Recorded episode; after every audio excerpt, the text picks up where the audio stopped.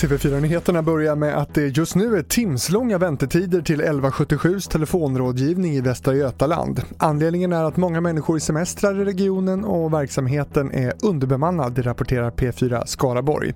Högst tryck är det nattetid då sökande kan få vänta uppemot två timmar på att få hjälp.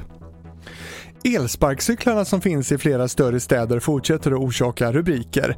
Efter hot mot medarbetare och vandalisering av elsparkcyklar i Malmö har flera uthyrare där valt att införa ett parkeringsförbud i utsatta områden.